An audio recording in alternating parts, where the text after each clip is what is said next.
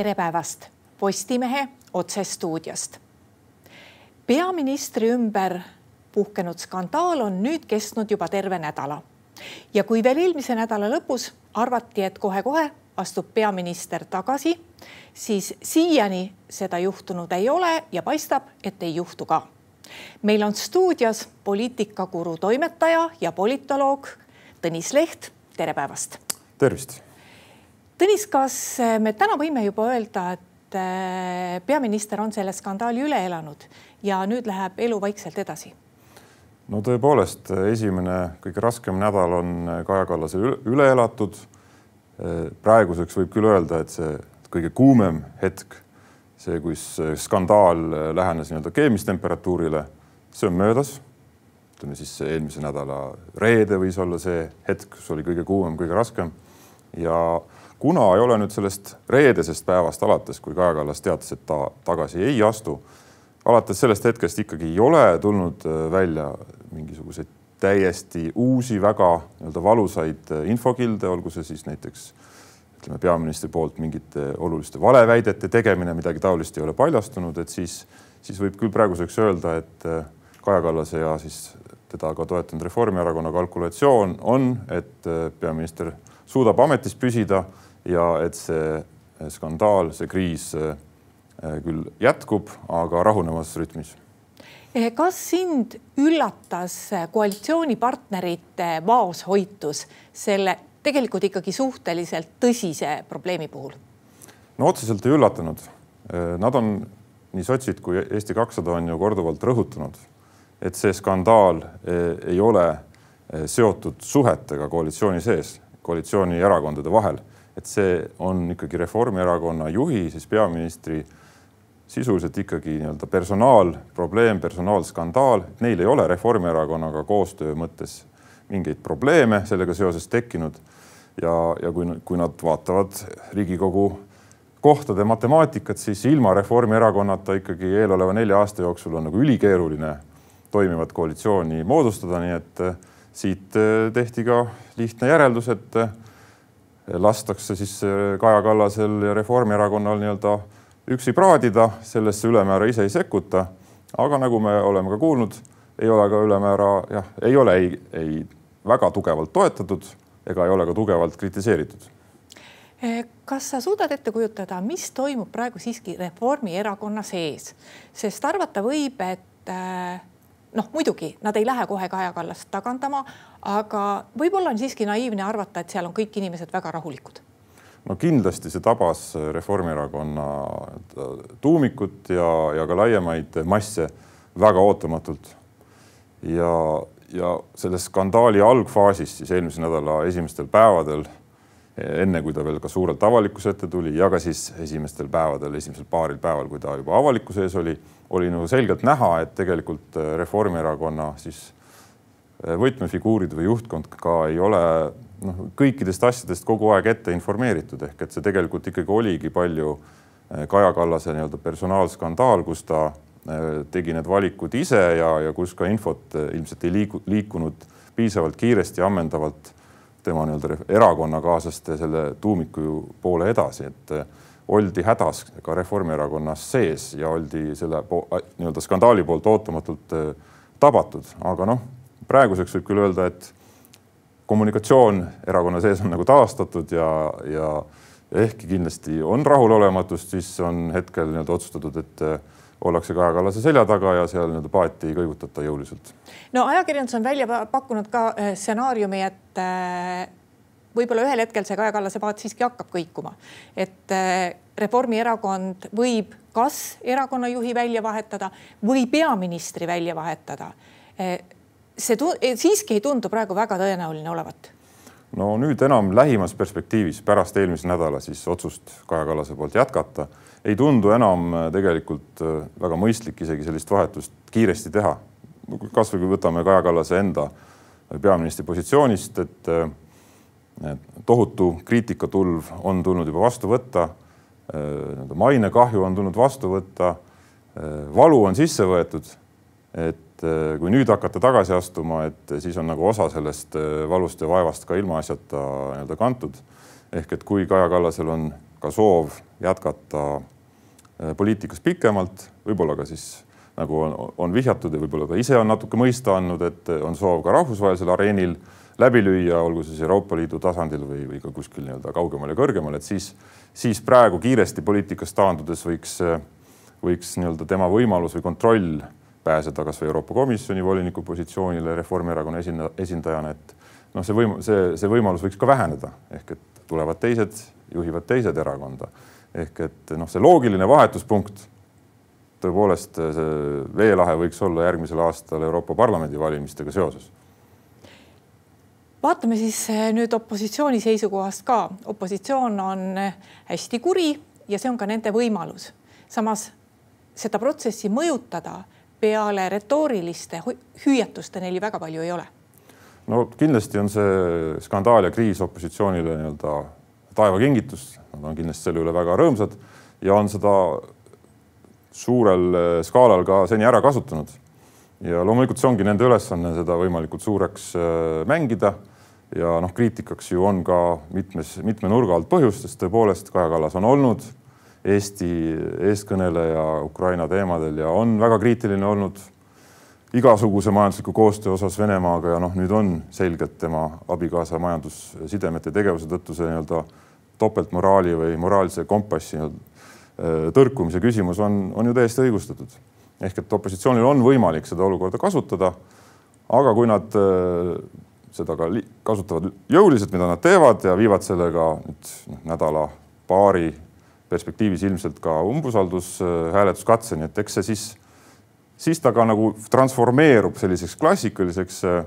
opositsioon versus äh, Reformierakond versus koalitsioon laiemalt vastasseisuks, mida me oleme näinud juba kevadest alates. ehk et siis võib-olla natuke see fookus ka Kaja Kallase nii-öelda personaalskandaalilt isegi nihkub kõrvale, et ja see on tõsi, et kui see usaldushääletus läbi kukub tõenäoliselt, et siis on see nagu mingi selline mentaalne nii-öelda vahepunkt, mida on võimalik sellele skandaalile või kriisile panna.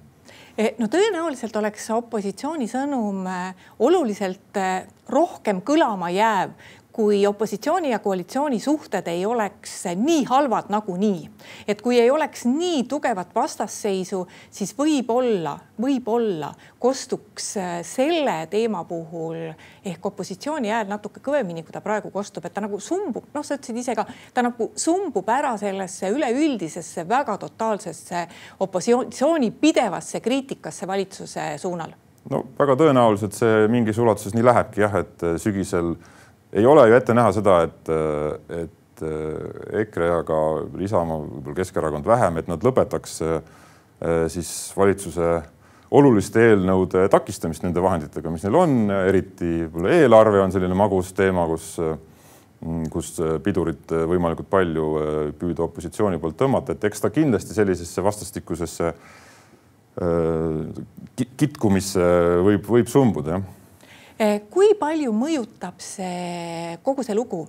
ja see, et Kaja Kallas tagasi ei astunud eh, koalitsioonipartnereid, et eh, Reformierakond oma väga tugeva vali, valimiste järgse positsiooniga nagunii hoiab kõiki ohje enda käes, sest noh, nagu sa ütlesid, siis ilma nendeta praegu valitsust moodustada on pagana keeruline. aga seda pannakse kahtlemata koalitsioonipartneritele pahaks, et kuna tegemist on ikkagi sellise suhteliselt ebaeetilise looga, siis eh, kuna nemad sellele väga tugevalt ei reageeri, siis kas see kahjustab nende mainet, kas see on neile kahjulik, äkki on see neile kahjulikum kui Reformierakonnale endale? no kui ei avaldu veel mingisuguseid väga tõsiseid eh, asjaolusid, mis Kaja Kallast paneks veel nagu selgelt halvemasse valgusesse siis, siis ma ei näe, et nüüd koalitsioonipartneritel Eesti kahesajal ja sotsidel oleks nüüd vahetult ütleme, Kaja Kallase sellisest mõõdukast toetamisest midagi väga palju kaotada, et nad on oma sõnavõttudes ka ju kogu aeg alla jooninud, et see on ikkagi Kaja Kallase eh, personaalskandaal ja selles mõttes ikkagi ka Reformierakonna nii-öelda probleem, millega Reformierakond ja Kaja Kallas peavad eeskätt eh, tegelema, see ei ole koalitsiooni vahelise sisese koostöö küsimus ja nii-öelda on püütud kogu aeg seda palli lükata Reformierakonna poole, mis on ka õigustatud selles mõttes, et see ei ole ju Eesti kahesaja ega sotside teema. Nad on ja mõistlik on ka nende poolt, ütleme sellises astmes nagu Ossinovski või ka Läänemets on, on olnud äh, kergelt kriitilised Kaja Kallase suunal, et et selles võtmes nii-öelda jätkata, et natuke ennast eristada, aga näidata, et ollakse konstruktiivselt valmis sellesama koalitsiooniga jätkama no ajakirjandus on väga ägedalt sellele reageerinud ja, ja tegelikult need lood ja juhtkirjad, mis nõuavad Kaja Kallase tagasiastumist, noh, olid ikkagi nagu ütleme, sellised väga-väga jõulised. Eh, seda lugu on veeretatud peaaegu nädal aega, kõik tegelevad sellega. aga ühiskondlik vastupeegeldus, et reitingud eh, praegu ei näita Reformierakonnale ega isiklikult Kaja Kallasele mingisugust väga halba hinnangut, et kas on, need on liiga varajased, kas see võib veel tulla? No ma arvan jah, et äh, nii-öelda lõplikku kergendusvahet ei ole mõtet Reformierakonnal veel teha, et äh, mingisugune negatiivne mõju sellest äh, kindlasti ikkagi avaldub. kui suur, eks me saame näha, ei pruugi olla väga järsk langus, aga mingi negatiivne mõju ikka tõenäoliselt tuleb. ja ta ongi olnud rohkem seni ju suunatud Kaja Kallase persooni vastu, et ka, ka, ka Reformierakonna võib-olla toetajad näevad seal teatud erinevust või vahet Kaja Kallase ja Reformierakonna vahel nüüd see muidugi, kuna Reformierakond on selgelt Kaja Kallase selja taga, et see erisuse tegemine väheneb. aga kui taaskord, kui ei tule selliseid väga selgeid ebameeldivaid täiendavaid fakte ehk et noh, ilmne, et Kaja Kallas on väga selgelt ja üheselt esitanud valeväiteid näiteks või midagi väga olulist, väga olulist varjanud teadlikult, et siis, siis see foon ei pruugigi nii-öelda väga järsult hullemaks minna järgmised valimised, mis ees seisavad, on Euroopa Parlamendi valimised, noh, mõneti siiski päris kaugel. Eh, aga tegelikult eh, sinna ei ole veel aast-, enam aastatki. võib ju arvata, et Euroopa Parlamendi valimistel oleks saanud Reformierakond minna umbes samasuguse, samasuguste loosungitega valija ette, nii nagu nad tegid seda viimaste Eh, parlamendivalimiste ajal ehk siis Euroopa Ukraina toetamine, see on, see on ka Euroopas väga kõva teema ja see kindlasti on Euroopa Parlamendi valimistel üks teema. kas eh, selle loo valguses kaob neil see võimalus ära kasutada seda loosung, kasutada seda loosungit, kasutada äh, väiteid, et meie oleme Ukraina toetajad, me oleme väga tugevad Ukraina toetajad? no kindlasti nad ikkagi saavad kasutada seda Ukraina toetamise teemat, aga palju vähem, see on äh, tunduvalt vähem veenev, et äh, noh, nad kindlasti Reformierakond peab ju edasi toetama Ukrainat ja ta seda ka teeb, aga, aga jah, see, tal on oma negatiivne mõju Euroopa Parlamendi valimistel, et see kampaania tuleb nii-öelda keerulisem ja tuleb leida ka teisi teemasid ja lahe ja, ja nii-öelda nõkse. no ajakirjandus toob välja ka kõik tuntud välismaa väljaannetes äh, kajavad arvamused selle kohta, mis siis Eesti peaministriga on juhtunud, et kui palju see Eesti mainet kahjustab? no kindlasti ta ei tulnud Eestile kasuks, et see kahjustav mõju äh, kindlasti on olemas. hetke need vastukajad välismeedias on siiski pigem nagu mõõdukad. teema on ikkagi noh, muidugi ta on oluliste väljaannete äh, külgedelt läbi jooksnud, ei ole seda nii-öelda täiesti ignoreeritud aga seda ei ole ka väga suureks veel äh, mängitud või puhutud. sõltub palju sellest, kuidas see siin siseriiklikult areneb, kas tuleb veel väga dramaatilisi pealkirju meilt siit äh, Eestist seest sel teemal. et äh, noh, Eesti on ikkagi väike riik ja ja meil toimuvad skandaalid Euroopas laiemalt nagu liiga palju ei huvita. et Kaja Kallas on muidugi olnud Ukraina toetamisel ja Venemaa kritiseerimisel rahvusvaheline staar, aga see ei muuda fakti, et Eesti on väike ja noh, eks meie lootus on see, et, et see ununeb piisavalt kiiresti. samas muidugi tuleb tunnistada, et kui on jälle mingisugune uute nii-öelda Venemaa vastaste sanktsioonide jõuline väljakäimise faas, et siis Kaja Kallasel on, on, on, on keerulisem olla nende teemade eestkõneleja eh nimetasid korra, et Euroopa Parlamendi valimiste kontekstis ja no siis saabub ju ka kohe see aeg, kui me nimetame uue Euroopa Komisjoni voliniku ja noh, tõenäoliselt see on Reformierakonna koht. et eh, kui Kaja Kallas soovib seda kohta ja, ja soovib Eestist ära minna ja tal kõva Euroopa kogemus on ju olemas. kas eh, see skandaal, mis on siiski tol hetkel ikkagi veel suhteliselt värske, sellest ei ole siis enam aastat mööda, noh, aasta on. see komisjoni volinik vist kusagil läheb kuulamisele, no lähebki umbes aasta pärast, järgmise aasta sügisel. et kas see võib talle takistuseks saada? No see kindlasti kaasa ei aita, aga kui, kui midagi uut äh, ei ilmne, kui see suudetakse nii-öelda maha rahustada ja, ja, ja ta ei jää nagu